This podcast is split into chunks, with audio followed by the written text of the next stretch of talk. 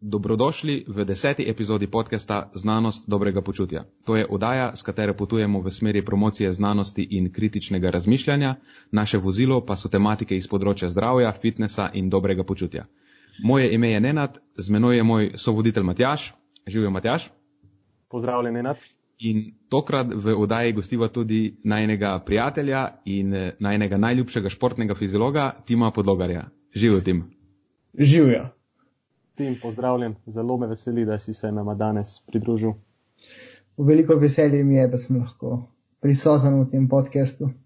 Super. E, Tim, preden začnemo, mislim da, se, e, mislim, da se spodobi, da te najprej jaz poskusim predstaviti, ampak e, mislim, da se boš potem mogel tudi sam še enkrat, ker vsi vemo, kako dobro gre v meni predstavitve od rok. Um, Tim si tik pred tem, da zaključiš doktorski študij na šoli za športne vadbene in rehabilitacijske znanosti Univerze v Birminghamu v Veliki Britaniji. Uh, uh, ukvarjaš se predvsem z vzdržli, vzdržljivostnim športom in vplivom določenih prehranskih dejavnikov na performance in presnovo med aktivnostjo ter uh, na regeneracijo po aktivnosti. V, v tem, kaj točno raziskuješ in kaj je tvoje področje dela, se bomo vsekakor pogovarjali v nadaljevanju. Eh, lahko samo to povem na tej točki še, da se bomo danes najbrž veliko pogovarjali o cukru. Ampak preden začnemo eh, s tem bolj uradnim delom podcasta, bi rad povedal še eno stvar. Tudi meni je veliko veselje, da si se nama danes lahko pridružil kot prvi zunani gost. In to, da si v tem pogledu najna prva izbira, ni, ni na ključje. No? Um, kar jaz pri tebi tim še posebno cenim, mislim, poleg tega, da si mojster na svojem področju, sta, sta v bistvu dve stvari. Sta. Najprej eh, ta tvoj kritičen pristop in nedogmatičnost, ker vedno, ko se pogovarjamo, imamo občutek, da v debato ne prihajaš z neko subjektivno prtljago, ne, to je taka neka normala, ker ponavadi, ko se pogovarjamo, vsak neko prtljago sabo že prenese, ne, ampak da si um, prideš, ne vem, če je glik to prava beseda, ampak prideš neunesnažen v debato. In imam feeling, da si skozi pripravljen spremeniti mnenje, če se pojavi boljši dokaz. In ne morem povedati, kol, kako osvežujoče se mi in, in super se mi zdi to, ker to je ena taka stvar, mogoče je to, to celo osebnostna lasnost, eh, ki, jo, ki je predvsem na področju zdravja in fitnesa, pa ne vem, športne znanosti, je tako v kroničnem pomankanju. No in pa druga stvar, še ena zanimiva stvar, da nisi samo teoretik, eh, nisi en, ki ga zanimajo samo neki koncepti in mehanizmi in eh, iz knjig, ne, taki sami po sebi, ampak te zanima tudi to, ali pa predvsem to, kako se ta znanstvena dognanja in stvari, ki jih raziskuješ, kako so te stvari potem uporabne tudi v praksi. Vem, da s svojim znanjem veliko pomagaš tudi športnikom, kar pa se vsaj meni zdi še bolj zanimivo, je pa to, da svoje raziskovanje jemlješ tako resno, da te stvari veliko krat preizkušaš tudi na lastni koži in pa na koži svojih prijateljev. Zdaj, o tem slednjem ne bom sodil, kako etično ali pa ni etično je to, ampak lej, lej, lej pustimo to. Tako da preden nadaljujemo, daj mi povej tim, eh, pri čem sem se v tvoji predstavitvi zmotil oziroma o čem bi me rad popravil. Ja, najprej hvala za, ta, za to predstavitev. Um, ja, pravzaprav, ja, trudim se biti čim bolj objektiven uh, pri svojem delu. Um, in ja, sem znanstvenik, ki želi uh, delati uporabno znanost, na koncu, da se jo potem lahko uporabi v športu, recimo, uh, v večini primerov, kar se mene tiče. Um, in ja, tako da ne vem, kako bi rekel, da si se kje zmotil, po mojem, se nisi. Odlično. E, veš, prej na začetku sem, ti, sem te predstavil kot športnega fiziologa. A to drži? Ker ti si v bistvu po osnovni izobrazbi si kineziolog, ne? A nam boš povedal, v, je, v čem je razlika? Ha, kineziologija je taka izraz, ki meni nikoli ni bil preveč všeč, ker ga večina ljudi zamenjuje z znanostjo o, psi, o psih, se pravi kinologijo, pa o znanosti o Kitajcih in tako naprej. Tudi, a, sem slišal že marsikaj, a, glede poklica kineziologija, pač v tujini, vsaj kar se tiče Velike Britanije, a, je boljši izraz, ki, oziroma, ki ga oni uporabljajo, sport sciences ali pa exercise sciences, um, in znotraj tega je potem področje fiziologije, in sam se najrajš vključim za športnega fiziologa, ker je mal bolj široko postavljeno kot sama recimo presnova ali pa prehrana, ker se ne ukvarjam samo s prehrano, ampak um, poskušam gledati stvari iz širšega pod, uh, pod, področja. Um, namreč preveč oska usmerjenost najboljša, uh, sploh zato, ker pač potem vidiš samo v nekih uh, detaljih, recimo v prehrani največjo pomembnost, ampak v resnici moraš gledati celotno sliko, recimo če pogledamo kolesarsko ekipo ali pa nek športno ekipo. Um, imamo trenerje za kondicijsko pripravo, imamo zdravnike, imamo nutricioniste in vsak ima neko, svoj, um, neko svojo fizi, filozofijo in edina možnost, da ta sistem deluje, je, da pač drug drugega razumemo. Um, In pač ja, res, da sem usmerjen malo bolj v prehrano, ampak še vedno, vedno gledam, um, vedno naredim korak nazaj, pa gledam širše slike in pač uh, fiziologija je tisto področje, ja, katerem nekaj več vem kot uh, ja, nek povprečen kineziolog najbrž. Tim, tim, odlično. Uh, za začetek bi rad samo povedal, da se pridružujem Nenadovim uvodnim besedam. Zdaj, ena stvar, ki bi jo samo dodal, zakaj te jaz tudi zelo uh, rad spremljam, je dejstvo, da poješ veliko haribo bombonov. Uh, uh, kaj me zanima, kako si pravzaprav sploh uh, zašel v te vode?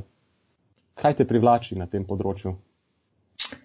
Pravzaprav mi ni popolnoma jasno, kako sem prišel v športno prehrano, ampak po mojem se je vse skupaj začelo, če se ne motim, um, s tem, da je enkrat na predavanjih na fakulteti za šport en profesor omenil uh, Tima Noksa.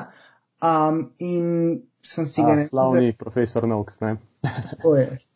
Um, Že takoj na začetku smo začeli s kontroverznimi temami. Odlično, veseli. in ko je ta profesor, oziroma ko sem šel potem um, googlati tega profesorja, sem spoznal, da je pač zelo vplivna oseba. Takrat je bil še tako na začetku te svoje LCHF poti, se pravi nizkooglikohidratne prehrane um, in bil predvsem znan glede hidracije. Uh, in mislim, da sem prva tema, o kateri sem se zapičil ali pa nekako mi je postala zanimiva, je bila hidracija um, in sem tam spoznal tiste mite, ki jih je ta profesor Tim Noakes razkril. Potem pa, ko sem več in več bral o njemu, sem začel spoznavati tudi nizkooglikohidratno prehrano um, in sem še tam začel poslušati njega, a, kaj on pravi. Um, tudi sam postal pristaš nizkooglikohidratne prehrane.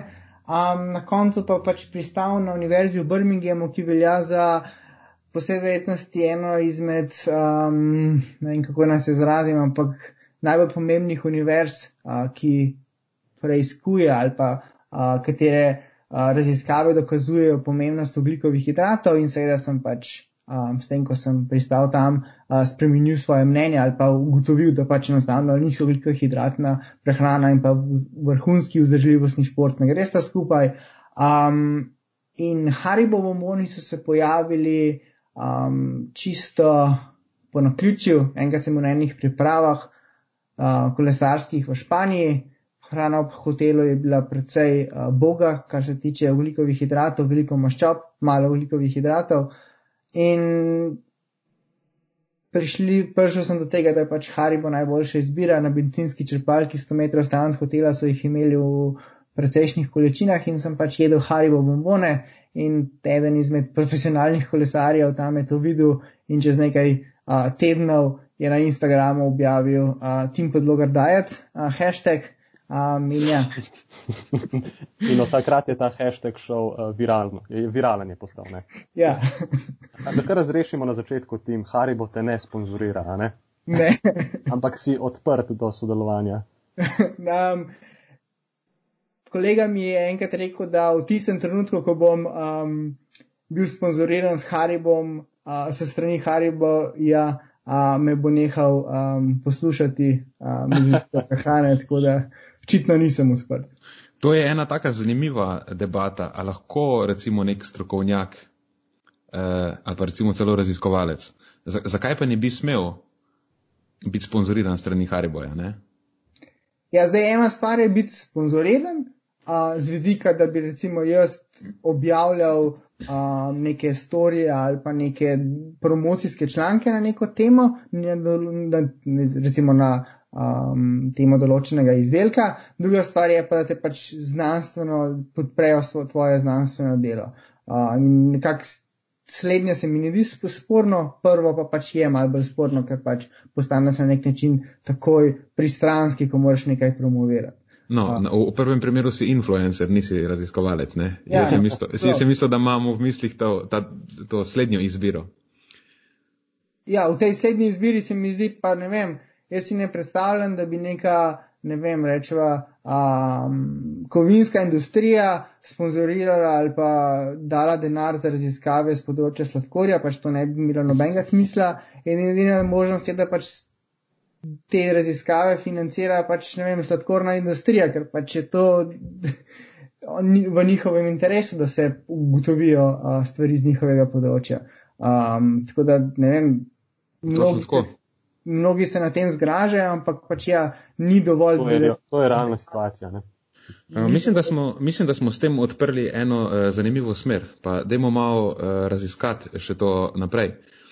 Um, um, sploh recimo laiki, da bomo reči temu tako, ali pa nekdo, ki mogoče ne razume eh, najboljše, kako neke stvari v, v znanosti ali pa v akademiji funkcionirajo, kako se neke raziskave ali pa članki objavljajo, dosti krat zanemarijo neko raziskavo samo na podlagi tega, da so v eh, tem, ko poročajo konflikte interesov, vidijo, da ja, ta raziskava je bila pa financirana z, vem, recimo, da je raziskava v mleku in je bila financirana strani mlečne industrije. Zdaj, tako kot si povedal, povsem logično je, da je mlekarska industrija tista, ki bo nekako financirala um, te raziskave in da to potem ni še nujno ja, to je nekaj, kar, na kar moramo biti pozorni, ko beremo to zadevo mogoče, ne? ali pa mogoče morajo biti na to še bolj pozorni tisti, ki ta članek pregledujejo, eh, da pa to ni nujno, eh, ne pomeni tako, da ta raziskava ni vredna, da se jo posluša ja, se...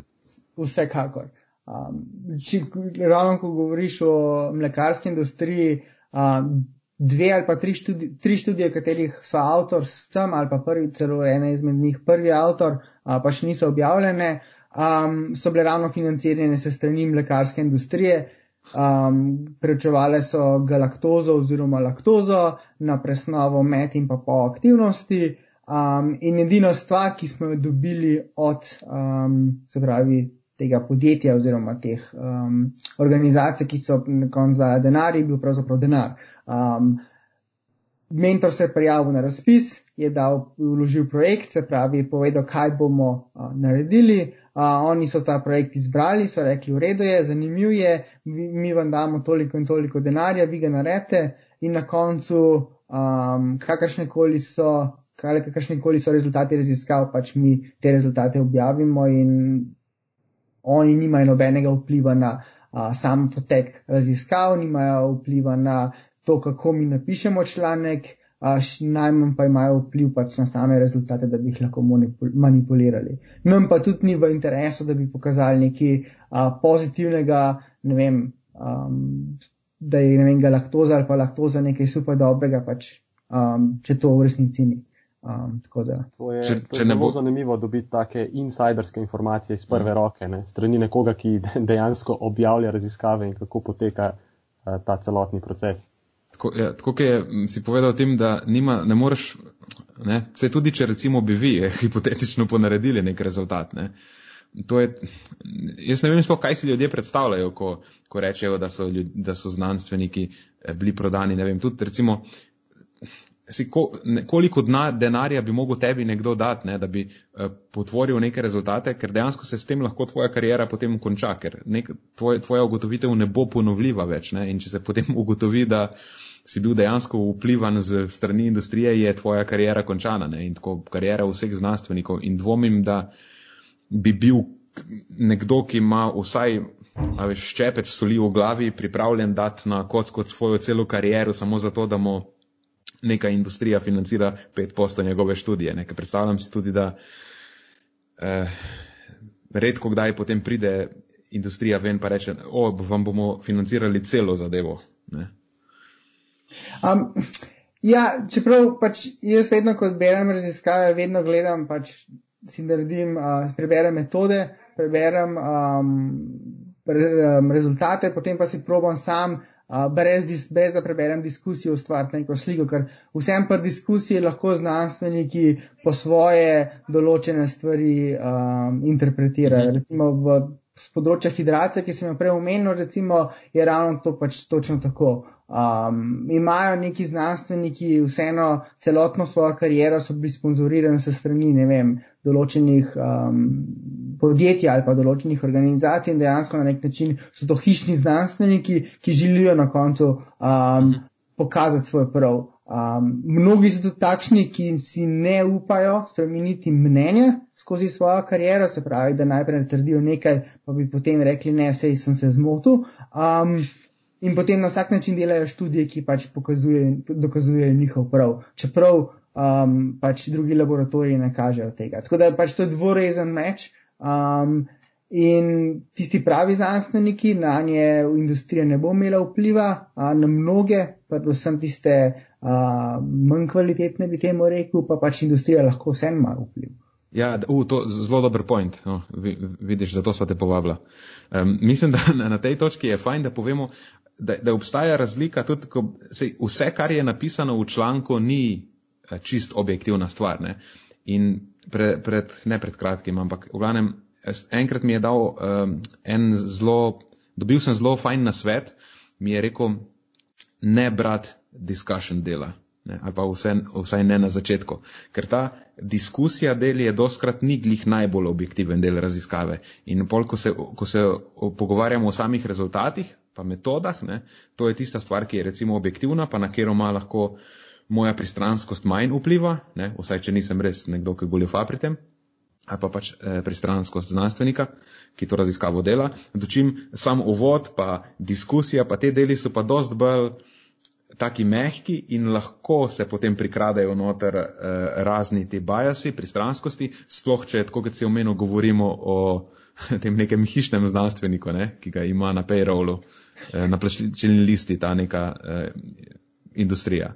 In eh, kaj misliš o tem, da mogoče, kak, kak, kako se ti zdi ta nasvet, da res, če te zanimajo samo rezultati, oziroma da je to pom, najpomembnejši del, dočim ta uvod, pa nekak diskusijo, pa vseeno moraš brati eh, zelo pazljivo. No.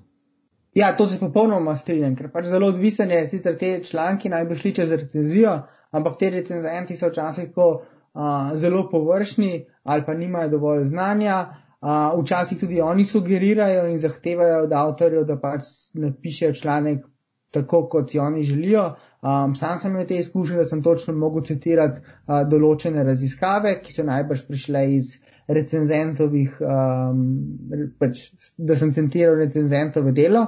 Um, in ja, velikrat pač tistih diskusijah ali pa v vodu ji pač nekaj sugeriraš, konc koncev, um, znanstveniki se so na trgu dela, se hočejo prodati, uh, želijo, da je njihova ideja, ne vem, um, znana, da se njihovo ugotovitev um, pokaže kot nekaj zelo pomembnega, pa v resnici morda to ni. Uh, tako da pač ja, treba je najbolj smiselno je gledati uh, rezultate, pa si svoje, um, svojo sliko stvar, kaj to zdaj pomeni.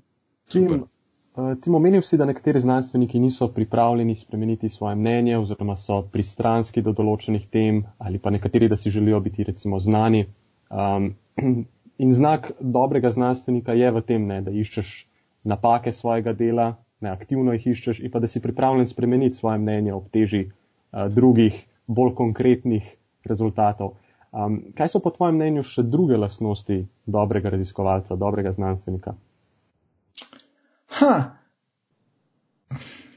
Po mojem je ena izmed stvari, ki jih opažam, je, da um, znanstveniki se preveč osredotočijo na eno področje, velikrat pa postanejo redukcionistični, se pravi, da se samo um, zapičijo v neko določeno podrobnost, pozabijo pa, da je pač treba gledati uh, na stvari v, kontekst, v širšem kontekstu. Um, se pravi, če dam čisten takšen primer, um, beljakovine oziroma sintezo beljakovin uh, v laboratorijih marsikdo zna mert. Um, problem je, ker nihče pravzaprav ne skoraj da ne zna zmeriti um, razgradnje beljakovin. Um, in ker pač neko metodo, kot je recimo merjenje sinteze beljakovin, um, za raziskovalec zna meriti, pa ne zna meriti neke druge stvari, se pravi um, razgradnje, pač da vse poudarek na samo sintezo um, in začne. Zanemarja pa en čist drug, eh, en drug pomembnejši del oziroma pomemben del. Ja. Na nek način tudi ignorira potem uh, pomembnost razgradnje uh, in na ta način potem, ko pač nek znanstvenik postane uh, znan, uh, enostavno uh, se ga posluša kot neko alfa in omega na, na nekem področju, um, ampak ne dela ravno um, dobrega znanosti, ker pač ja, je vsem misel zavarovan sam vase, da misel, da pač dela pravilno. Se pravi, a, ena stvar je pač ta redukcionističen pristop, da pač gledaš samo eno stvar. Drug problem pri teh znanstvenikih, mnogih zelo dobrih, pa je, a, da mislijo, da morajo delati samo znanost in da ni njihova naloga, da komunicirajo z javnostmi. Um, se pravi, recimo, moj mentor je rekel, ja, jaz ne bom pisal preglednih člankov, jaz ne bom pisal blog člankov, jaz se ne bom pogovarjal z mediji, zato ker naj si vsak naredi uh, svojo stvar, svojo sliko. Uh, to je po eni strani dober nasvet, če imaš upravka z nekimi ljudmi, ki pač nekaj vejo o znanosti, ko pa imaš upravka z nekimi popolnoma neko splošno populacijo, uh, ki ne ve o znanosti popolnoma nič. Um, in je zdaj. In pa ne smeš prepustiti, da si sami interpretirajo. Ja. Se to je najbrž razlog, zakaj imamo danes tako težavo na tem področju, sploh na fitness ja, področju, pa področju zdravja na splošno je. Se mi zdi, da je glih to, da eh, glih tisti, ki bi mogli biti najbolj sposobni razložiti neke stvari, ne, za kere mislimo, da te stvari dobro razumejo, pa naj bi bili sposobni to stvar na preprost, eh, lajko, razumljiv način razložiti, tega ne delajo. In potem to delajo na mesto njih eni drugi ljudje, ki za to absolutno niso sposobni, pa tudi iz te nesposobnosti potem te stvari razlagajo na en tak pač čist napačen način. Eh, mislim, da je to dejansko glaven razlog, zakaj imamo tako zmedo. Ja, točno tako. Eh, po drugi strani pa tudi sem bil že večkrat pričal, ko pa nekdo, ki dejansko zna, pa je res strokovnjak na tem področju, ne, ne zna dobro skomunicirati na preprost način. Pa preveč ne, ne, ne razume dejansko, kako na, na, do katerega nivoja mora zadevo spustiti. Ne. Pa, pač tle ni mišljeno nič slabega, ampak nekdo, ki ni preživel, ne vem, deset let v, eh, ne, v akademskih vodah, pa se ni ukvarjal s tem, pač njemu moraš neke stvari na drugačen način razložiti in pa je doskrat ta eh, kratek stik tukaj vmes. Tako da je res to ena taka veščina, kaj praviš? Ja, veščina, ampak veščina, ki se jo sigurno lahko naučiš. Ja, ja definitivno. A, večino teh, recimo slovenski profesori, ponovadi delajo raziskovalno, imajo raziskovalno dejavnost, pa tudi pač pedagoško dejavnost, medtem ko v tujini pač nekdo, ki ima naziv profesor, to ne pomeni, da je dejansko predava študentom, pa se velikokrat zgodi, da pač tak profesor samo dela raziskave. Uh, in tak profesor dejansko lahko ima pomankanje tega znanja ali pa teh izkušenj, kako uh, znanost predati naprej um, splošni populaciji. Uh, ampak univerze bi že mogle same to nekako na nek način uh, profesori ali pa te akademike spodbujati, da um, prenašajo znanje naprej. Uh, ja. Še ena stvar, ki sem se jo zdaj spomnil, ko to razlagaš, dosti krat se igram tako igrico telefona. Ne? Če recimo prebereš kak eh, tak čist poljuden naslov v neki reviji, X reviji, ne? zadnja študija ugotavlja, da ne vem, kaj je bilo na zadnje, da kofein pomaga eh, pri hujšanju v eh, karanteni ali nekaj takega. Ne, in pol greš dejansko PR članek prebrati od univerze. Um, dejansko niti v tem PR članku od univerze ni ta raziskava dobro interpretirana. Ne. Šele pol, ko greš pogledat dejanski članek, vidiš, da je kaj, kaj so točno, ne, oziroma dejansko raziskavo, kaj točno so ugotovili. In mogoče ne, se tukaj to pozna, da ta, ki je bil prvi avtor ali pa recimo eden izmed avtorjev, ni dejansko malo bolj pojasno, kaj se dogaja, ne, da je pol na PR članek nastal tak. tak In potem je. je nastala verižna reakcija teh telefonov. ja, da si omenil. Um. Ja, to po mojem, ne vem pač, kako bi ta problem rešil, ampak spomnim se na neki konferenci nekaj let nazaj, uh, je eden izmed uh, profesorjev uh, na univerzi v Bethu, uh, James Betts, ki zadnja leta preizkuje um, ta intermittent fasting, pa vadba na tešče ali pa vadba z zajtrkom. To je intermittent, prav... fast, intermittent fasting, samo da povemo za unike, ne vejo, je ta uh, umestni post oziroma kako se temu reče, prekinjeni post. Ja, nekaj ur brez hrane. Ja. Tako. Oziroma stradanje. To je zdaj insiderska šala, lahko ja. gremo dalje. ja. uh, in on je izmed, eden izmed tistih profesorjev, ki dejansko se veliko angažira v to, da pač a, prenaša znanje javnosti, je zelo dober komunikator, sicer dober govorec, ampak se je še vedno zgodilo to, da je recimo Daily Mail, a, ki velja za enega zelo popularnih britanskih medijev, um, na veliko objavljal um, zanimive naslove, ki niso imeli popolnoma nobene veze z uh, rezultati njegovih študij. Um, mhm. Dejansko je problem uh, v tem, da pač um, prvič je znanstvene članke težko brati, um, moraš imeti za to znanje.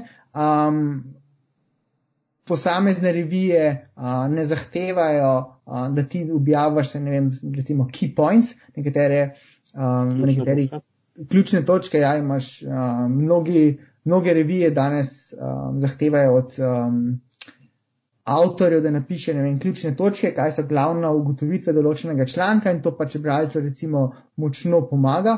Um, če so pač recimo objektivno napisane te ključne točke, ampak ponovadi je pa samo abstrakt, se pravi povzetek. In iz tistega povzetka uh, marsikaj lahko povlečeš ven, ker pač ni res na koncu. Um. Mhm.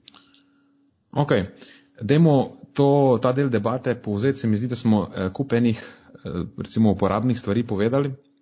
Pa je mogoče nauk te zgodbe to, da znanost mogoče ni popolna. Ne? E, včasih mi kdo reče, ja, ampak misliš ti, da vse, kar znanost pove, da to je pa zlato. Ne? Ampak ne, se tega noben ne verjame. Ne? Ni, včasih se šalim, ni vse, zla, ni vse znanost, kar se sveti. Um, ne, pač ima svoje slabe lastnosti, um, tudi ne, so recimo slabi članki, so znanstveniki, ki so vplivani, ampak še zmeraj je to nekako pač najboljša metoda. Um, s katero razlagamo vesolje, da imamo temu tako reči. Ne? Nimamo boljše metode za um, neke naravne pojave opazovati ali pa jih eh, raziskovati. Um, Vsem pa moramo pol biti pazljivi in uporabljati to kritično razmišljanje, ko te um, ocenjujemo sploh ne, te ugotovitve. Tako da ni, ni popolna, ampak je pa najboljše, kar imamo. Ja, če bi temu bi dodal, no, zadnjič zadnji sem razmišljal o tem, da pač raziskave ne dajo dejstev, ampak dajo podatke. Uh, in da ti rečeš, da, neka, da, obsta, da je dejstvo, da je nekaj res, ker je ta raziskava pokazala to in to. Um, to je samo ena izmed raziskav pokazala, pač podatki, trenutni podatki kažejo na to in to ali pa nakazujejo, ni pa nekih, uh, večina raziskav ali pa 99 odstotkov, cele 9 odstotkov raziskav ne daje definitivnih odgovorov na vprašanja, ne predstavlja dejstev, ampak samo pod, daje podatke in vse stvari je pač treba um, interpretirati. In je stvar interpret različnih interpretacij, spravi, različne podatke bo vsakdo lahko drugače interpretiral. Si. Tako se je, zato je pa znanost težka, ne? Ja. ja, dober point je. Pač znanost ni česar dejansko ne ugotavlja tako samo ena ali pa nič. Ne? Ampak je z neko gotovostjo nam pomaga, da lahko neke stvari trdimo, da so res ali pa da niso res. Recimo, Če kaj ugotavlja, pol ugotavlja stvari, ki ne držijo nekako. Oziroma, ne, hipotezo ja. lahko dejansko zavržemo z eno podatkovno točko, skoraj tako malo, če karikiram. Ja. Um, Dočim neke te večje resnice pa so vse obstajajo na nekem spektru in cela skupna teža dokazov nam, eh, kaj ena igra stavje, nam potem omogoča, da je, ok, jaz pa zdaj stavim, da je ta moja trditev, ima kvoto, ne vem, kako te kvote delujejo, ampak recimo lahko trdim, da je z 90% res. Ampak še zmeraj obstaja 10 odstotkov možnosti v tej moji trditvi, da moja trditev ne drži. Ne. Tako je. Sploh, ko govorimo, ko imamo pravka z ljudmi, ki se pač mogoče drugače odzivajo um, na določeno intervencijo. Moramo vedeti, da pač v študijah so stvari ponovadi zelo kontrolirane in ko damo pa enega človeka na neko zunanje okolje, ko živi prosto svoje življenje, se lahko stvari poderejo uh, in ne deluje več. To, ko zdravila, uh, morajo zdravniki vedno gledati. Uh, kakšno interakcijo imajo posamezne zdravila drug na drugo, mi imamo tudi tukaj človeka in interakcijo z vem, prehrane, z ostalimi komponentami življenja, od stresa do um, dostopnosti določenih uh, vrst hrane v trgovini, uh, vadbe in tako naprej. Mm. In ta del je potem ravno ta, ta del, ki je umetnost, ne? kako postaviti potem te stvari v prakso človeku na njegovi individualni ravni. To je še, mogoče še ena stvar, ki se je doskrat eh, ljudje, ki, be, ki so tako, niso glih domači v, v nekem področju ali pa z, z branjem člankov na splošno, pa potem vidijo neko povprečje, neko povprečno vrednost, ki je bila poročana. Ne? In pač ni, ne moramo pozabiti, da je ponavadi je nek, nek konfidenčni interval poročan. Uh, in če je ta 95 odstotni, tako malo karikirano, če, če povemo, eh, mogoče ti, ki bereš to raziskavo, glih padeš v tistih 5 odstotkov, ne, ki padeš izven tega povprečja, pa zate to v bistvu sploh ne velja. Tako je. Dober point. Ja, cool. Um, ok, dajmo malo v naslednjo predstavo, predstavo pa nam eh, povej nam malo, s čim, s čim pa se dejansko, kaj je tvoje področje dela, s čim se ukvarjaš? Um, ja, če, doktorski študij moj je preučeval predvsem uh, različne type oglikovih hidratov, se pravi dve študije uh, sem naredil um, z področja fruktoze oziroma galaktoze, se pravi različnih enostavnih sladkorjev, pa kako to vpliva na regeneracijo. Eni študiji sem se ukvarjal z um, periodizacijo vnosa ugljikovih hidratov, se pravi, da določene vadbene enote izvedeš brez ali pa z nizko razpoložljivostjo ugljikovih hidratov, pa potem kako to vpliva na a, presnovo ali pa um, potencijalno tudi potem na dolgi rok na adaptacije. A, v prihodnosti se bom ukvarjal z recimo ketoni, a, pa še s čem drugim, tako da pač je kar nekaj zanimivih različnih tem, s katerimi se ali pa se bom ukvarjal. Um, Delaš morda tudi s kakšnimi športniki trenutno? Ali? Ja, to je ena izmed stvari, ki jih imam tako mal um, kot hobi za zraven, če sem iskren. Um, nočem tega delati v nekih velikih številkah. Gre predvsem za to, da um, razumem, kaj športniki um, potrebujejo. Um, na ta način dobivam raziskovalne ideje, a na ta način ugotavljam, kaj je dejansko relevantno, kaj ni relevantno, kaj je izvedljivo, kaj ni izvedljivo in da potem, ko enkrat dobim rezultate, dobim, preverjam študijo, da vidim v kontekstu pač športnika, um, kaj to dejansko pomeni. Um, in na tak način se um, rojevajo nove ideje, tako raziskovalne, kot tudi tiste, ki jih pač lahko športniki dejansko testiram. Um, in ja, se mi zdi, da ta kombinacija se mi zdi najbolj idealna, sploh v mojem področju, ker pač se ukvarjam predvsem z metabolizmom ali pa presnovo pri vrhunskih vzdržljivostnih športnikih. To je odlično. Večino eksperimentov pa upravljaš kar sam na sebi, a ne? Ja, prvo stvar, kar naredim, je ponovadi, pač na sebi stvari testiram, da vidim, kako grejo skozi. Um, veliko lesaram, um, pravzaprav sem se kolesarjenja lotil predvsem iz tega vidika, da sem pač lažje razumel uh, znanost, pa da sem lažje razumel potrebe športnikov. Um, pri kolegih, ki ne delajo, recimo, ali pa nimajo izkušenj s samim športom, vidim ta problem, da pač enostavno ne razumejo, a, kaj športnik potrebuje, čez kaj gre, um, in potem nastanejo problemi, a, ker pač mu nekaj predpišeš, kar dejansko nima ne repa, pa ne glave. Um, ali pa na drugi strani ne razumeš znanosti, ne veš, zakaj recimo 90 gramov ugljikovih hidratov na uro je smiselno um, in kdaj je to smiselno, kdaj pa recimo nič gramov uh, veliko bolj smiselno. Um, super. Prej uh, sem povedal, da uh, te tvoje uh, ugotovitve, tvojih raziskovanj, uh, rad uporabiš tudi v praksi. Da nam pomalo povej, kaj si dejansko ugotovil v tekom tega svojega doktorskega študija in kako je to zate uporabno. Ja, recimo, um, v zadnjih letih, recimo rečemo desetih ali pa ne vem, osmih, devetih letih, a, se veliko govori o tem, da a, se vnos ugljikovih hidratov periodizira, se pravi prilagaja različnim vadbenim enotam. Namreč ena izmed študij že dolgo časa nazaj je ugotovila, da če ti um, vadbeno enoto začneš z izpraznjenimi zalogami mišičnega glikogena, um, se pravi da to pomeni, da narediš visoko intenzivno vadbeno enoto pred tem, izpražneš zaloge glikogena, potem um, ne poješ nič oglikovih hidratov, naslednjo vadbeno enoto pa začneš lačen kot pes, um, da boš na, na ta način um, izboljšal adaptacije na vadbo. Um, in na podlagi te raziskave, ki je bila izvedena na popolnoma netreniranih posameznikih, so se začela graditi novo, novo raziskovalno uh, področje, recimo temu, pač ta periodizacija vnosa ugljikovih hidratov. Um, področje, s kateremu ti sedaj botruješ. Ja, mislim, se mi zdi pač precej zanimivo, čeprav v zadnjem času, v zadnjih dveh, treh letih, uh, se je stvar precej obrnila, um, pa se kaže na to, da pač v osnovi so najprej mislili, um, da je zelo pomembno ali pa najbolj pomembno, da vadbeno enoto začneš s praznimi zalogami glikogena.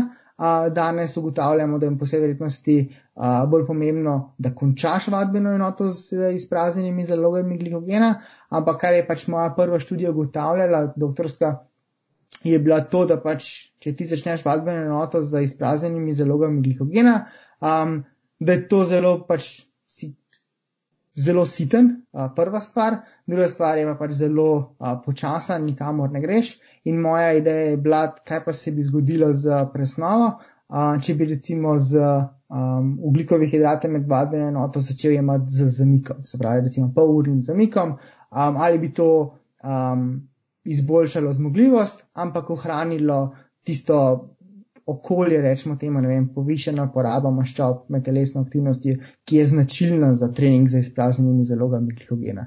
In pa smo ugotovili, da um, se športniki bolj počutijo, če dobijo ugljikove hidrate, ne vem, s polurnim zamikom, um, da se po vsej verjetnosti izboljša zmogljivost teh športnikov, um, hkrati pa se ne zmanjša poraba maščob. Se pravi, da imaš najboljše iz obeh svetov. Um, in tako da velikrat moji športniki, s katerimi delam, uh, ko dobijo trening na tešče, se pravi brez zajtrka, uh, dobijo po dveh urah ali pa uri in pol uh, na mini oglikovih hidratov. Se pravi, ne vem, štirurni trening, polovico treninga izpraviš brez oglikovih hidratov, drugo polovico z dodatnim vnosom oglikovih hidratov. Skratka, najboljša obeh svetov, športniki, ki po eni strani niso sitni, po drugi strani dobijo vse pozitivne adaptacije. Ja. To je, to je torej, če sem, če sem scenarij. Um, nekoč ta train low strategija se temu reče, Ja. ne, ki treniraš dejansko z izpraznjenimi zalogami oglikovih hidratov. A torej nekako počasi izumira ta stvar, vsaj v taki obliki, kot je bila prvotno mišljena, da bi lahko bila najbolj koristna. Ja, tako je. Um, zdaj, začelo se to, mislim, da um, v laboratoriju Benka Saltina, danes že pokojnega znanstvenika, enega največjih znanstvenikov vseh časov z področja fiziologije športa. Um, potem pa se je vse skupaj preselilo več ali manj v, na univerzo v Liverpoolu, Liverpool John Moores University, um, v laboratoriju Jamesa Mortona, ki je do nedavnega delal tudi v ekipi, kolesarski ekipi Sky in je pač nadaljeval z raziskavami na tem področju in vse čas zaterjeval, da pač na nek način je potrebno vajeti z, ali pa vadbena enota začeti z izpraznjenimi zalogami glikogena. Ampak um, danes, kot ga prav razumem, um, njegovo mnenje se je spremenilo, da pač je bolj pomembno, da končaš vadbeno enoto za izpraznjenimi zalogami, glikogena. In zanimivo mi je, da so to debato z mentorjem imela že na začetku mojega doktorskega študija, ker sem pač enostavno mentorju rekel, da se meni ne zdi logično, da moraš vadbeno enoto začeti izpraznjenimi zalogami glikogena, ampak je bolj pomembno, da pač končaš vadbeno enoto z izpraznjenimi zalogami. Zakaj? Uh, ker enostavno, če boš končal z izpraznjenimi zalogami, bo to pač pomenilo, da bo poraba maščob na koncu vadbene enote zelo povišena um, in na nek način bo to posebnosti izvalo enake adaptacije. Um, Um, Da nam še malo povej več o teh adaptacijah, ne? ker ne gre se najbrž samo za porabo, eh, samo porabo maščob, ampak tudi za neke specifične poti, recimo temu, um, ki so potem mogoče bolj aktivirane. Ja, tako je.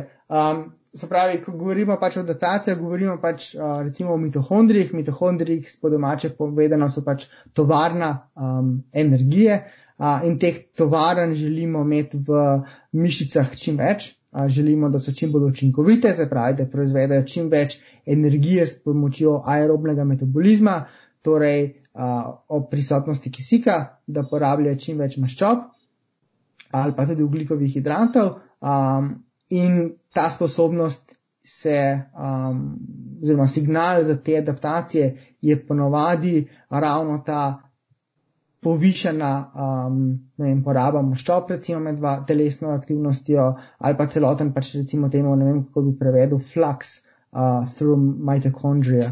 Um, Nenad?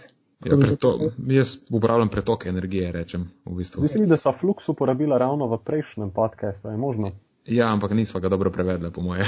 pretok sem jaz rekel, da je, ne? Sej na nek način. Ja, ja, ja. Pretok, koliko energije porabijo, ne? Ja, Um, in to je pač najbolj pomembna stvar, spravi, povišati želiš ta uh, pretok energije skozi mitohondrije, uh, po vsej verjetnosti povišati celo porabo maščob. Um, in mm. to pač vodi po vsej verjetnosti v najbolj optimalne adaptacije. In, in nekako, če, če prav razumem, to je pod, nizek energijski status celice, je tisti, ki nekako je signal, da se to zgodi, ne? Po, ja, po koncu vadbe. Oziroma, če traja ta nizek energijski status, da ne napolniš energijskih zalog takoj.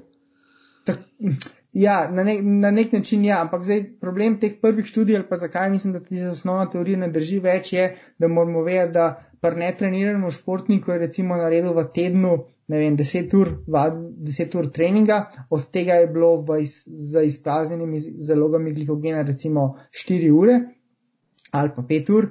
Uh, v primerjavi to zdaj, če prenesemo v vrhunskega kolesarja, ki naredi recimo 22 ur, uh, si ne moramo predstavljati, da bo začel vadbene note z popolnimi praznimi zalogami glikogena, pa preživel na kolesu, ne vem, 3-4 ure, ker pač to enostavno ne bo šlo.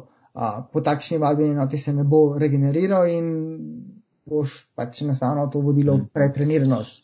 Zato, zato potem je ta strategija smiselna, ker že začneš malo lov, pa Ne? Ker če bi dejansko začel z polnimi zalogami glikogena, jih ne bi dejansko uspel sprazniti. Ja, potem ja. ta vaša strategija je smiselna, da že začneš z nizkimi zalogami in daješ samo toliko, kot tvoja vadbena enota zahteva, da potem na koncu še zmer končaš z, z nizkimi. Ne?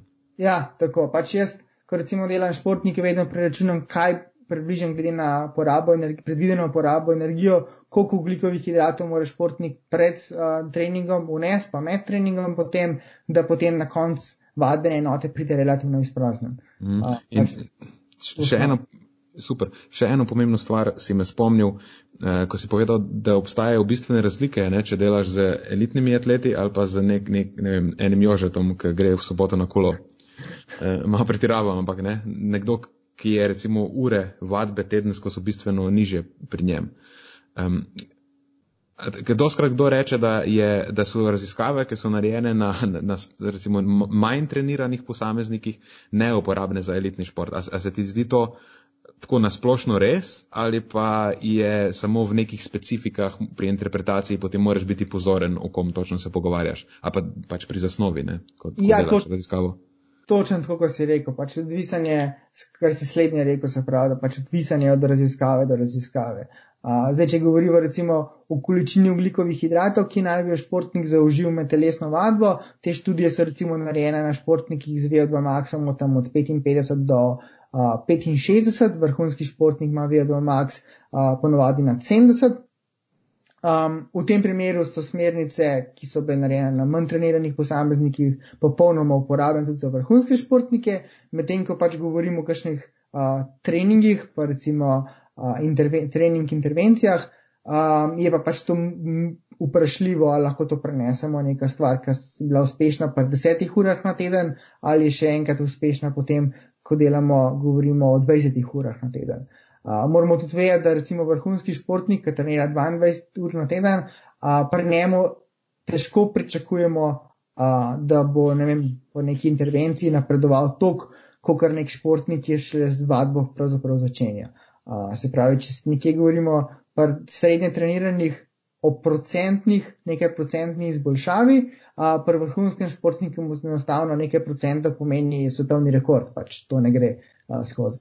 Ja, definitivno. Zdaj, veliko se pogovarjamo o aerobnih oziroma vzdržljivostnih športih, pa vrhunskih in rekreativnih atletih. Zdaj, ti vsi, ki te spremljajo na Instagramu, tudi vedo, kako ogromno kolesariš. Odkot pa ljubezen za to področje? Si bil vedno tak strasten kolesar ali si to postal za voljo tega področja, ki ga raziskuješ? Jaz sem v osnovi sem jedralec. Um, to je bilo moja nekaj več kot deset let, sem treniral jadranje. Um, želel priti na kon nekoč na olimpijske igre, osvojiti olimpijsko kolajno, pa pač na koncu sem se odločil za znanstveno pot in ko sem se odločil za znanstveno pot, sem si pač našel nek šport, ki um, je na nek način kompatibilen z znanostjo in je pač to bilo kolesarstvo.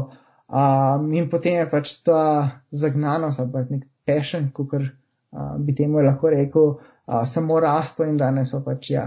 Um, kolesarim, ker mi je to všeč, pa zato, ker vse čas nekaj novega testiram, a, delam neke case studije, po domače povedano. Če smo že pri teh case studijih um, in pa Instagramu, ne, se vidi, kaj te spremlja najbolj. Uh, veliko nekih aparatur uporabljaš za to kolesarjenje. Bi nam lahko povedal o kakšnih plusih, pa minusih teh naprav. Pa mogoče, če nam zaupaš, koliko plačuješ na mesečni ravni za, za Zwift, Stravo in podobne stvari. Ja, strava je do nedavnega bila brezplačna, zdaj pa so se odločili, da bomo. Dej ta vidva malo najprej razložiti, kaj te stvari vse so, da bodo sploh poslušalci vedeli, o čem se pogovarjamo.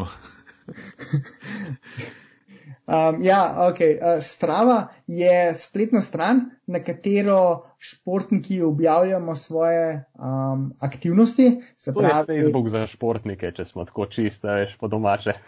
To je.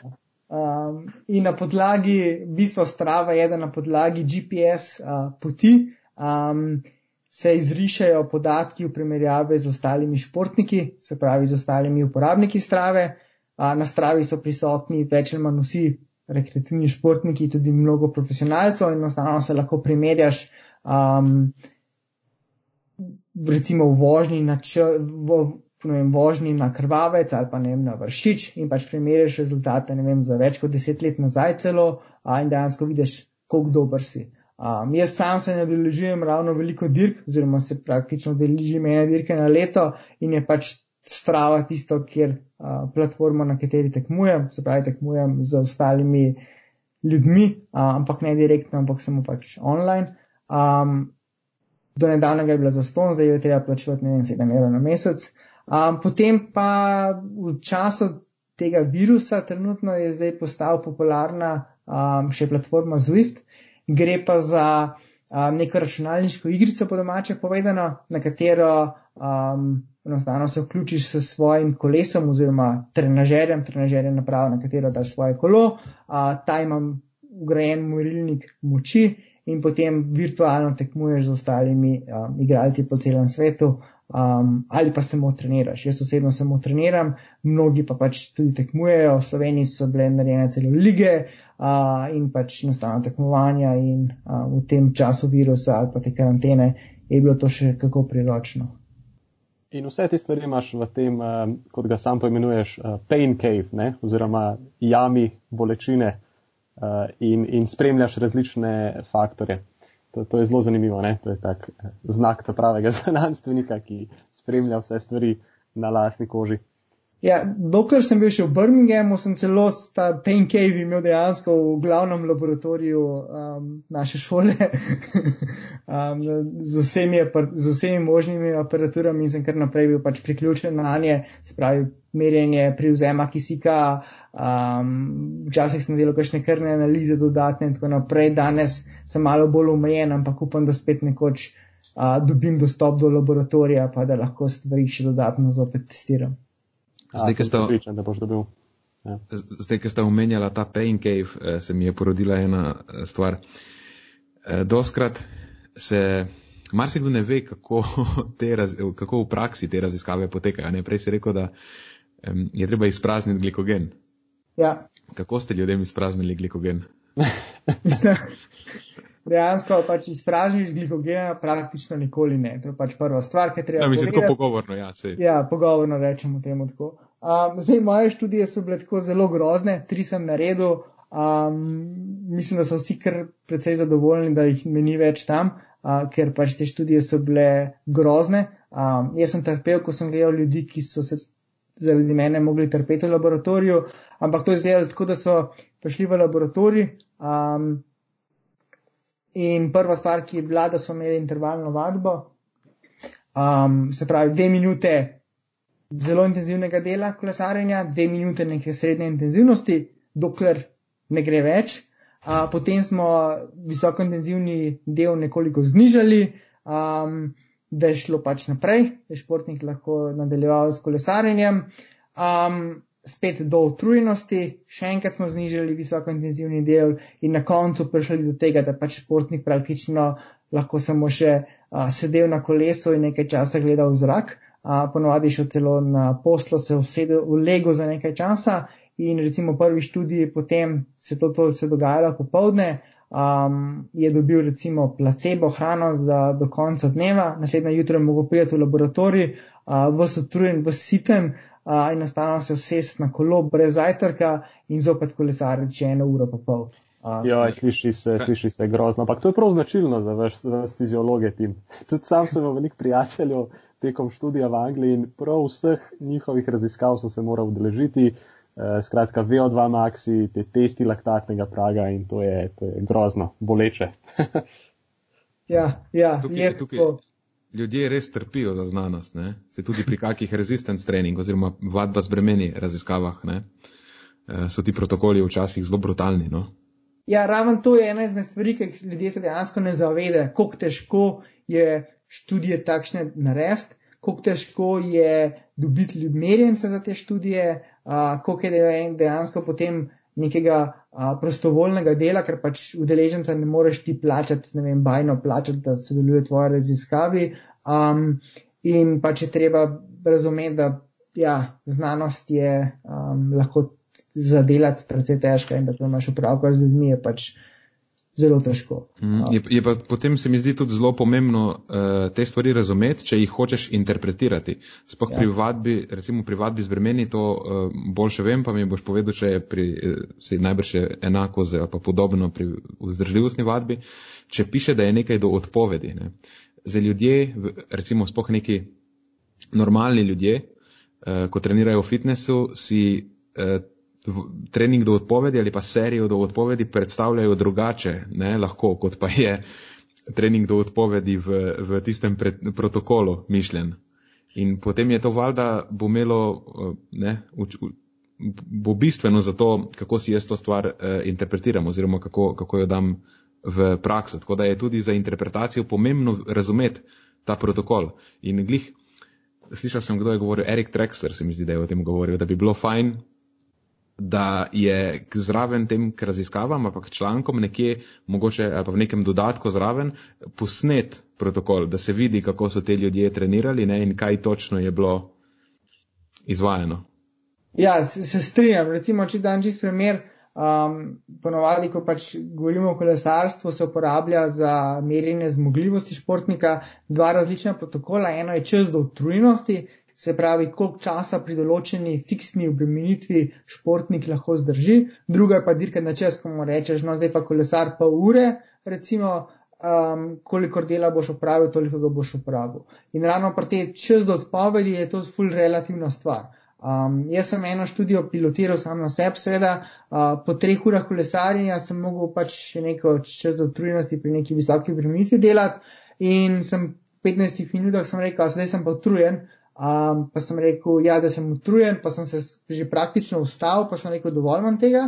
Um, potem pa sem rekel, ne, ne, se nisem utrujen, pa sem nadaljeval še ne vem, pet minut. Um, tako da pač ja, ko govoriš o utrujenosti, je pač to ful relativna stvar. Um, in veliko krat se pač um, te protokoli, kako meriti zmogljivost, je v laboratoriju pač to zelo težko in pač tudi aplikacija potem v praksu je v velikih primerjih zelo vprašljiva. Mm, to je pa še ena sivina tega ne? in še en razlog, zakaj je znanost težka. Ja, to je. Cool. Um, ej, prej, si, uh, prej smo omenjali razne sladkorje, ne? omenjali smo glukozo, pa fruktozo, pa uh, galaktozo, uh, ki so bile v tvojih raziskavah, so igrale glavne vloge. A nam lahko poveš malo več o tem? Kaj, kaj je zdaj fora teh raznih sladkorjev? Ja, um, v osnovi je tako, da um, pač najbolj znan sladkor je seveda glukoza. Uh, glukozo uh, imajo rade več, vse celice v našem telesu, uh, medtem ko galaktozo pa fruktozo uh, imajo predvsem ja, rada jedra, uh, ker ostale celice v telesu praktično, um, oziroma vsaj do, do zdaj veljajo, da nimajo s tema dvema sladkorjema kaj početi in da mora najprej v jedrih biti pretvorjena bodi si v laktat, bodi si v glukozo, da potem lahko ostale celice to porabijo.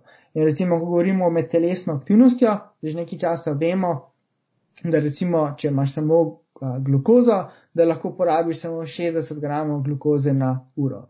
Če pa temu dodaš še fruktozo, fruktoza se nekoliko drugače absorbira kot glukoza, pa lahko porabo oglikovih hidratov, ki, vne, oglikovih hidratov, ki jih vneseš med telesno aktivnostjo, recimo povišaš tudi na a, 2 grama na minuto oziroma 120 gramov a, na uro a, pri res vrhunskih športnikih ali pa recimo ponovadi govorimo o 90 gramih na a, uro.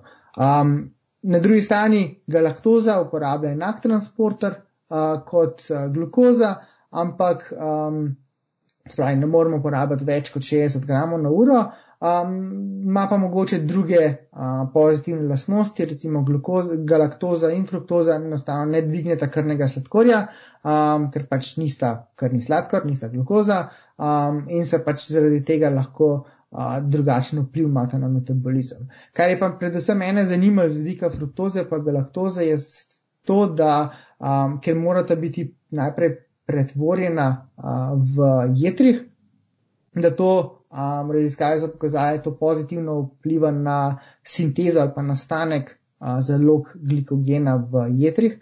Uh, in po telesni aktivnosti imamo spraznjene zaloge glikogena tako v mišicah in tako v jedrih. In galaktoza in pa fruktoza so se pokazali kot bolj učinkovite pri zapolnjevanju uh, jedrnega glikogena kot pa uh, recimo glukoza.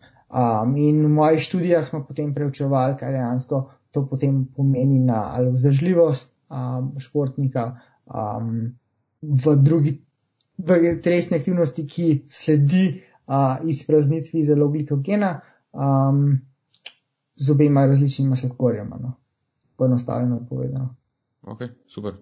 Um, kaj ste pa ugotovili?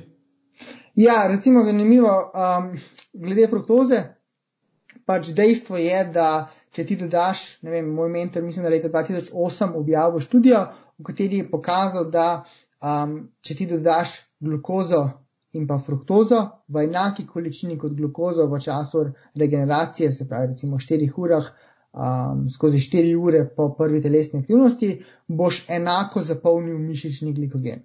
Uh, potem naslednje študije so ugotovile, da boš skombiniral fruktozo in pa glukozo, v primerjavi z glukozo, bolj zapolnil jedrni glikogen. Um, do nedavnega nismo vedeli, kako to vpliva dejansko na zmogljivost, um, ali to izboljša regeneracijo ali ne izboljša, samo vedeli smo, da pač pozitivno vpliva na shranjevanje celokupnega, recimo, glikogena v telesu.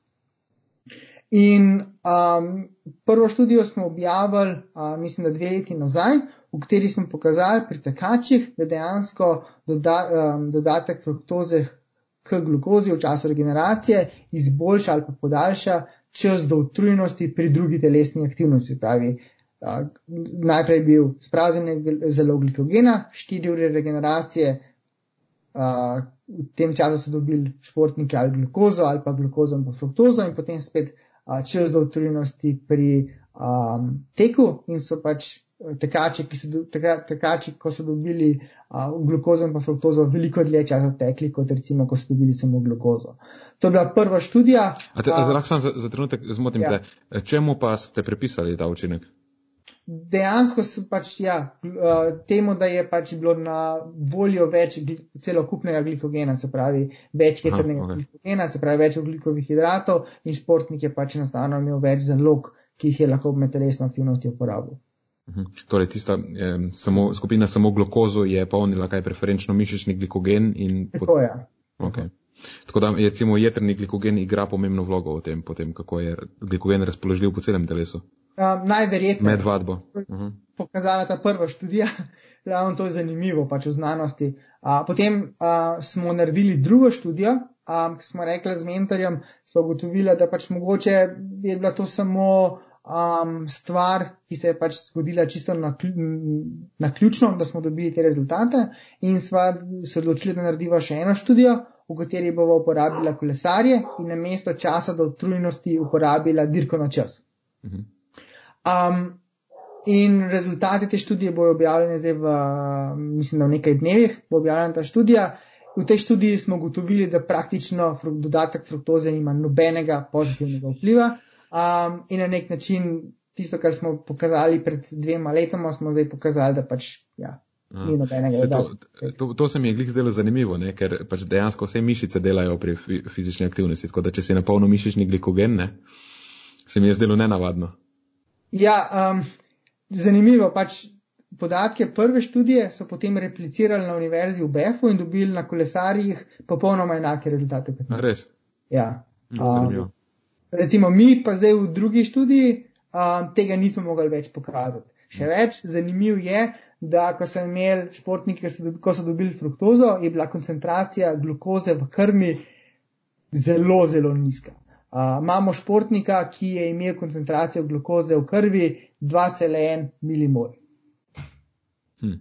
Se pravi, več kot pol manj od tistega, kar bi pač normalen človek mogel imeti. Hmm. Tukaj se mi zdaj. Eh, to je spet, se, lahko se vrnemo na tisto nazaj, da podatkovne točke so. Ne? Zdaj, če bi mogoče en poslušal to, kar je recimo nov na tem področju, pa bi rekel, a pa kaj je zdaj s to znanostjo, pa oni so pokazali tako, zdaj so pokazali tako. Ne?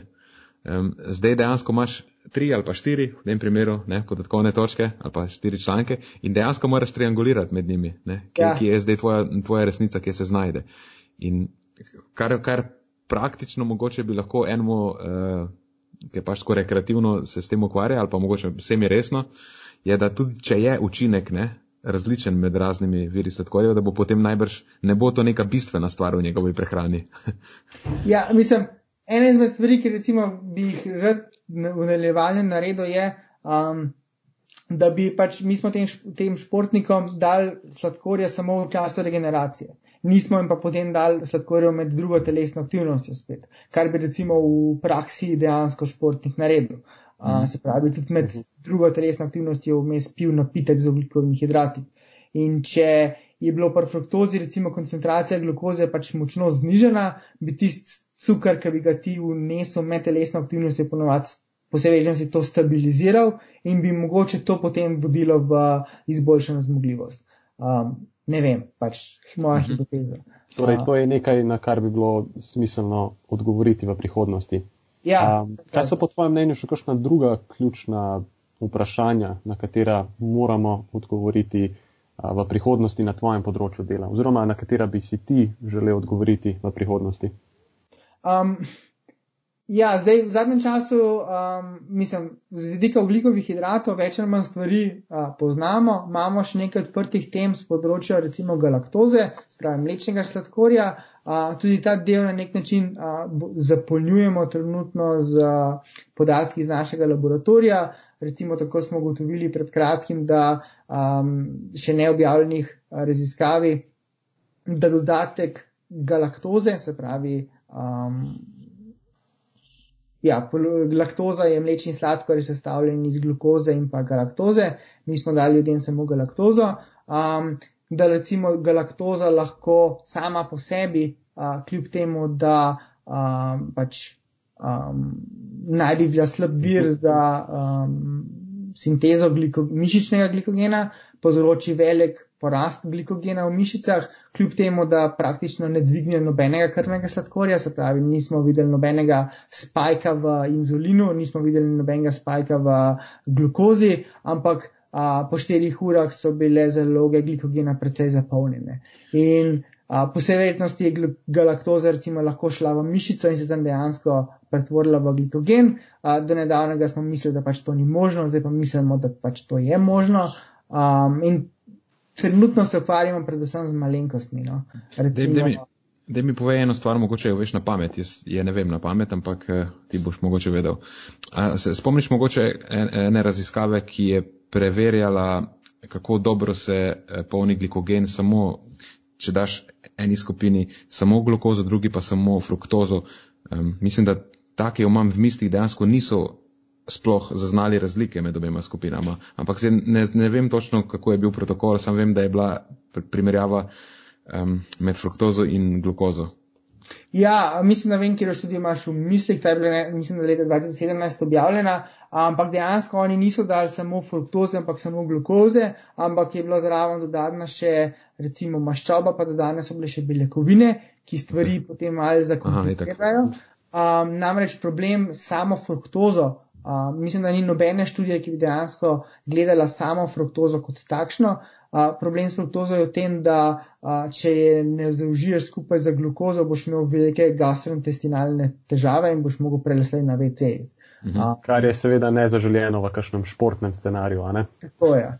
Um, tako da takšne študije pravzaprav ni, mislim, da je ena iz leta 1967, ne, ali iz 80 ali 60 let, niti ne vem točen na pamet, ki je uh, fruktozo dejansko v žilo dala. Uh, in tam so ugotovili dejansko zma, po, manjšo sintezo mišičnega glikogena, kot recimo za infuzijo glukoze. Mhm. Tako da pri fruktozi imaš dejansko že prej, imaš eh, angliški izraz je bottleneck ja, ne, na, ja. na ravni transporterjev. Ja. Um, mm, pri galaktozi pa tega nimaš, ker se pač prenaša isto kot glukoza. Um, in pač do, do nedavnega smo mislili, da ja, se galaktoza se obnaša potem, ko enkrat pride v kri, enako kot fruktoza, ampak mi smo bili pač močno presenečeni, ko smo zmerjali glikogen, um, sintezo glikogena uh, po galaktozi, pa videli, da praktično je bila sinteza glikogena enaka, kot ko smo ljudem dali uh, kombinacijo glukoze in pa galaktoze. Mhm. To je, a imate kako razlago za to? Um, razlaga je, da je koncentracija, oziroma tako je, da um, pač zmerjali smo tudi koncentracijo galaktoze v krvi. Uh mhm. -huh. In ko so udeleženci dobili galaktozo in pa glukozo, je bila koncentracija galaktoze v krvi močno uh, veliko nižja. Zakaj?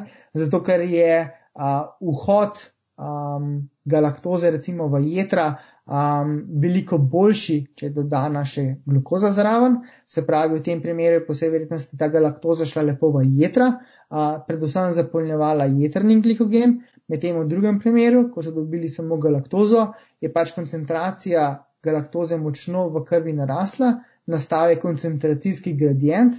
Um, In ta koncentracijski gradient je po vsej verjetnosti, po mojem prepričanju ali pa po moji hipotezi, um, povzročil to, da so pač tudi mišične celice začele to uh, galaktozo sprejemati in pač jo spremenile v glikogen. Aha, ok. Um, po, po bi se jaz motil v moji, v moji domnevi. Um, moja nekakšna razlaga je, je, bila, je bila ta, da, pač, da, so, da, da je naravni jeter, veš, da so jedra eh, vzela glikogen, pa pač preko, pa vračala v bistvu glukozo v kri. Ja, pač to bi bila osnovna hipoteza, ampak problem v tem, pač to smo tudi mi v tem razmišljali, je bilo, da je bila koncentracija glukoze v krvi v času regeneracije ja. popolnoma flatline, se pravi, popolnoma ne, ni se nič spremenila, inzulin se ni dvignil popolnoma za nič, pač ostal je v, v mejah tistega, kar so bilo pač takoj po vadbi. Uh, in enostavno si, si ne znam predstavljati, kako bi potem lahko. Uh, ja, se to čisti zbije, ta, se, zato ja. sem brez tega podatka bi, bi bila to moja prva. Ampak zanimivo, ne? Ja. Je pa res, da ne vem pa, pač tega pa ni nišče še zmeril zdaj, kaj bi se recimo zgodilo z jedrnim glikogenom um, ob uživanju samo galaktoze. Tega pa tudi ni noben, nišče še zmeril. Ko zdaj vemo, da galaktoza lahko zapolni uh, mišični glikogen brez da vneseš recimo um, glukozo, pa brez da se dvigne inzulin, ne vemo pa, kaj se dejansko dogaja z jetri. Um, Tako da pač se konverzija galaktoze pa v mišicah poteka v, um, v glukozo normalno. A, ne, do zdaj sem mislil, da to sploh ni možno. Sej zato, klik, zdaj sem, jaz sem malo zmeden po pravici, če ti povem. Ja, dejansko. Mi smo tudi zmedeni. Um, študija ravno zato ni še objavljena, ker trenutno čakamo, da bo konc tega te um, karantene v Veliki Britaniji, da se bodo um, vzorcev mišice lotili um, biokemiki, pa da jih bo analizirali z, uh, zato, da pač da vidimo prisotnost določenih encimov. Um, tako da to so, dej, to so dejansko nova dognanja, so tako čisto nova. Ja, to je še ne objavljeno, kar zdaj govorim, tako da najbrž niti ne bi smel povedati. Se ne bodo vedeli, to je slovenščina. Slovenščina pač tak jezik, kar še njen noben ga ne zna, če povem. Tim, a je bila kakšna tva raziskava zdaj um, zaradi te epidemije v, v nevarnosti, da ni mogla potekati normalno naprej? Ali pa, da bi se celo morala zaključiti predčasno? Ne, ne, jaz sem imel to srečo, da sem spravil vse skupaj skozi, imam pa sošolce, ki imajo zdaj trenutno ta problem. Ja. Ravno ena izmed raziskav z področja laktoze, a sošolec bo mogel zdaj pač celo raziskavo, ki se mu je zaključila na sredini ali pa a, prekinila na sredini testiran, bo enostavno mogel vršiti v koš a, in začeti ponovno. Oh, shit. Ja, ti si bil na srečo dovolj priden, da si že vse skupaj zaključil prej. Odlično. Ja, na nek način sem imel malo sreče tudi. Ja. Um, povedali smo dosti o sladkorjih, pa o tem, kako so zelo pomembni sladkorji. Jaz pa vem, da je ena tvoja eh, taka pet piv, temu rečejo angliži, ne? ne vem, če obstaja slovenski prevod za to. Eh, so ketonska telesca. Ja. To je ena stvar, ki jih imaš izjemno rad, poleg sladkorjev. In so v zadnjem, vidim, slišim smeh, ne. Um, in v zadnjem času je tudi njihova popularnost, ko uh, raste, sicer ni glih osnovana na či, ničem konkretnem, recimo, mogoče imajo dober PR, ta ketonska telesca, um, ampak se tudi omenjajo kot nek alternativni vir energije med naporno fizično aktivnostjo, ne? ker vemo, da uh, ko dosežemo eno določeno intenzivnost, potem maščobne kisline več niso dober vir energije in ketonska telesca kot nek uh, recimo temu alternativni vir, namesto tega pa bi mogoče bila, predvsem za vse tiste, ki se bojijo eh, sladkorjev. um, kaj ti misliš, kakšna je prihodnost teh ketonskih telescev v profesionalnem športu? A, če bi me o tem vprašal včeraj, bi Ja. ti rekel, da ketoni pravzaprav nimajo nobene prihodnosti v vrhunskem ali pa kakršnem vrhunskem športu. Recimo. Če me Mhm. pa vprašaš danes, um, sem pa mal bolj odprt za različna um, mnenja ali pa za še vidim še kakšno študijo. Namreč zjutraj mi je poslal um, Peter Hespel uh, iz Belgije, en znan profesor, um, še ne objavljeno študijo, tako da rezultatih res ne smem nič govoriti. Um, študija, ki bo kmalo objavljena, rezultate, ki so popolnoma na nek način zbile moje dosedanje um, prepričanje, tako da um, očitno bomo v ketonih, mislim, da še nekaj časa brali, tudi sam bom raziskoval na tem področju um, in mislim, da bomo ja, o ketonih še veliko slišali uh, in da je to pač tema, o kateri um, A, a nam lahko mogoče... dobro, da smo danes eh, posneli podcast in ne Ja, včeraj. mislim, škoda, da ga nismo malo par dni kasneje, da bi lahko poslušali še kaj bolj konkretnega, ne, ko bi bila raziskava objavljena. Ampak, a nam lahko mogoče poveš samo tako malo bolj nasplošno, zakaj v preteklosti si mislil, da nimajo prihodnosti in mogoče v kateri smeri, ne vem, pa vidiš, da bi pa lahko imeli uh, prihodnost. Um, ja, v osnovi je tako pač prvi problem, ker so se ketoni pred leti pojavili na trgu, uh, je bilo, kako te ketone spraviti iz, uh, se pravi, iz nekega izdelka dejansko v kri. In so se pojavile ketonske soli, uh, ketonski diestri in razno razne spojine, ki so um, bile precej neuporabne pri tem, da so povišale koncentracijo teh uh, ketonskih telesc v krvi. Um, če pač želimo, da ketoni so ali pa ketonska telesa učinkovita, jih pač moramo spraviti v kri. Uh, kar so te dodatki ponovadi naredili, je bilo to, da so pač povzročili, da so športniki hodili uh, na WC. Um, in objavljenih je kar nekaj študij, ki pravijo, da ja, ketonska telesa so popolnoma neuporabna za športnike, ampak če si dobro prebral pokaj metode, si ugotovil, da pač so uporabljali ketonska telesa, ki pač enostavno niso bila, um, ali rečemo temu po domače povedano, prebavljiva, uh, Mhm. se niso prišle nikoli v kri, koncentracija ketonskih teles v krvi se ni povišala in pač so bile že zaradi tega pač neučinkovite. Potem pa je Univerza v Oxfordu, a, ena raziskovalna skupina, razvila tako imenovani ketonski ester, um, ki je na nek način ni povzročal gastrointestinalnih težav, se pravi, ni pošiljal ve, um, športnikov na vece. Um, in so pač tudi dejansko bili sposobni povišati koncentracijo um, gluk, um, ketonskih teles v krvi. In te študije, potem so te pač britanski znanstveniki naredili študije, v katerih se dejansko pokazali, da recimo ketonska telesa lahko um, povzročijo vrčevanje za mišičnim glikogenom, uh, pokazali so tudi, da naj bi lahko izboljšali zmogljivost. športnikov, a, pokazali so, da po vadbi naj bi lahko povišali koncentracijo za shranjevanje glikogena. A, tako da so bili kar taki zelo, zelo pozitivni rezultati teh študij in v teh študijah so potem pač športne ekipe, oziroma po teh študijah so te športne ekipe začele uporabljati ketonska telesa in so rekli, aha, to je pač naslednja velika stvar v športni prehrani. Zdaj, problem teh osnovnih študij je bilo to, da so bile dejansko narejene na mal tak sketchy način, um, spravi financirane so bile strani tega start-up podjetja iz Oxforda.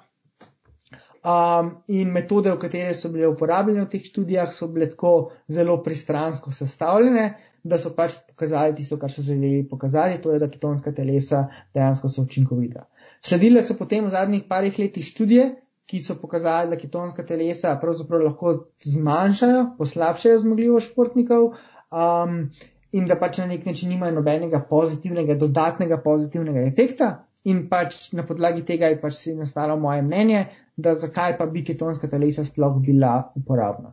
Um, potem pa danes se je pojavila študija, ki pač kaže nekaj drugega, um, ni popolnoma pač ne, ne odgovori na vsa vprašanja, ampak na nek način um, so se pojavili neki pozitivni rezultati um, uživanja ketonov v kombinaciji še z nečem drugim in v mhm. tistem primeru pa pač določeno, um, bi lahko govorili, da pač ketonska telesa mogoče pa vendarle so pozitivna.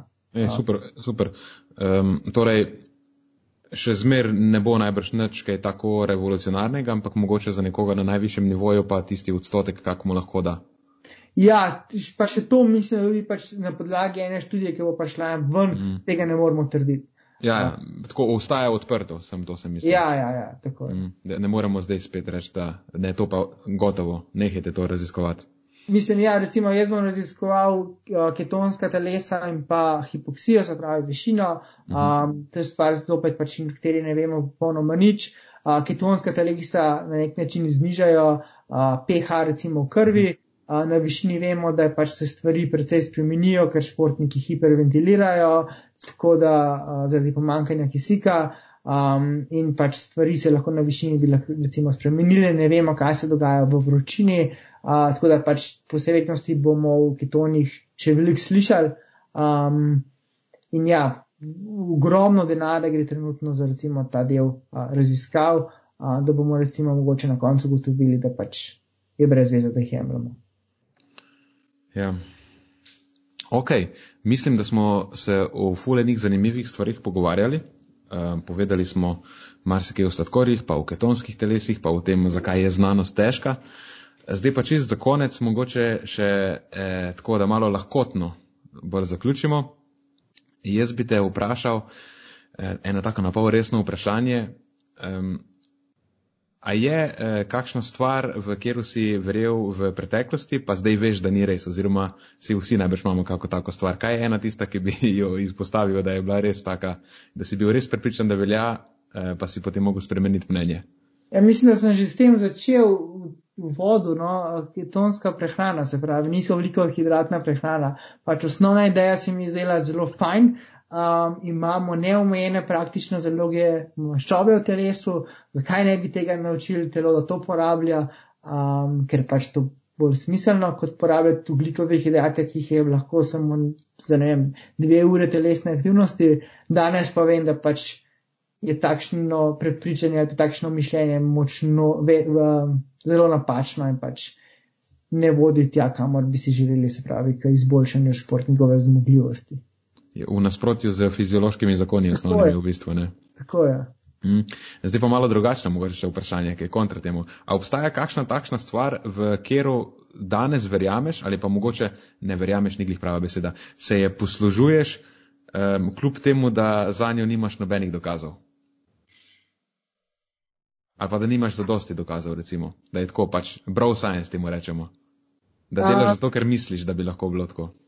Ja, recimo, Lansko, mislim, da bomo en primer. No, lansko leto sem, recimo, ko sem se pripravljal na neko a, tekmovanje v kolesarstvu, sem a, predpostavil, da če bom treniral v vročini a, nekaj tednov, imel neko klimatizacijo na vročino, da bom s tem a, izboljšal svojo zmogljivost tudi na višini.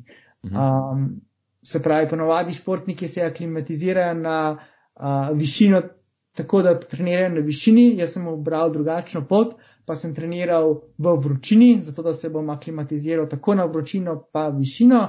Um, danes, po več, oziroma približno enem letu, uh, mislim, da dva dni ali pa tri dni nazaj, je bila objavljena študija, ki je pokazala, da dejansko tak pristop lahko poviša količino rdečih krvničk. To pomeni, da dosežeš točen tisk, kar uh, sem jaz predpostavil, da se bo zgodil, pa pač nisem imel takrat nobenih dokazov za to. Um, ne vemo pa še vedno ne, kaj to pomeni, uh, recimo hipoksijo, uh, se pravi na višino. Ampak najbrž si, najbrž si pa imel neko osnovno razumevanje, da si to predpostavljal.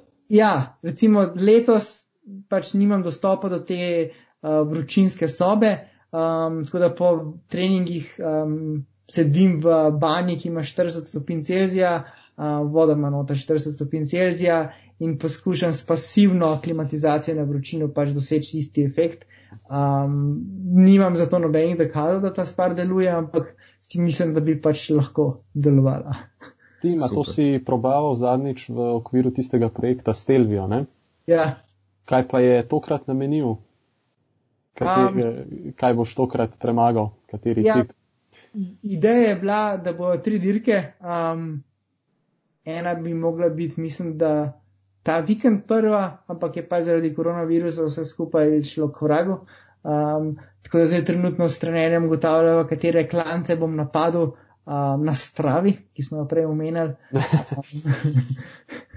In pač ja, gre bolj kot ne za pot, kako priti do cilja. Pač jaz se učim na tem področju, spoznavam um, športnikove zahteve, trener se uči, ker pač skupaj stvari delava, testirava različne treninge, testirava različne pristope, uh, delava pač neke vrste case study um, in potem bo to pač lahko pri svojih športnikih v praksi uporabljala.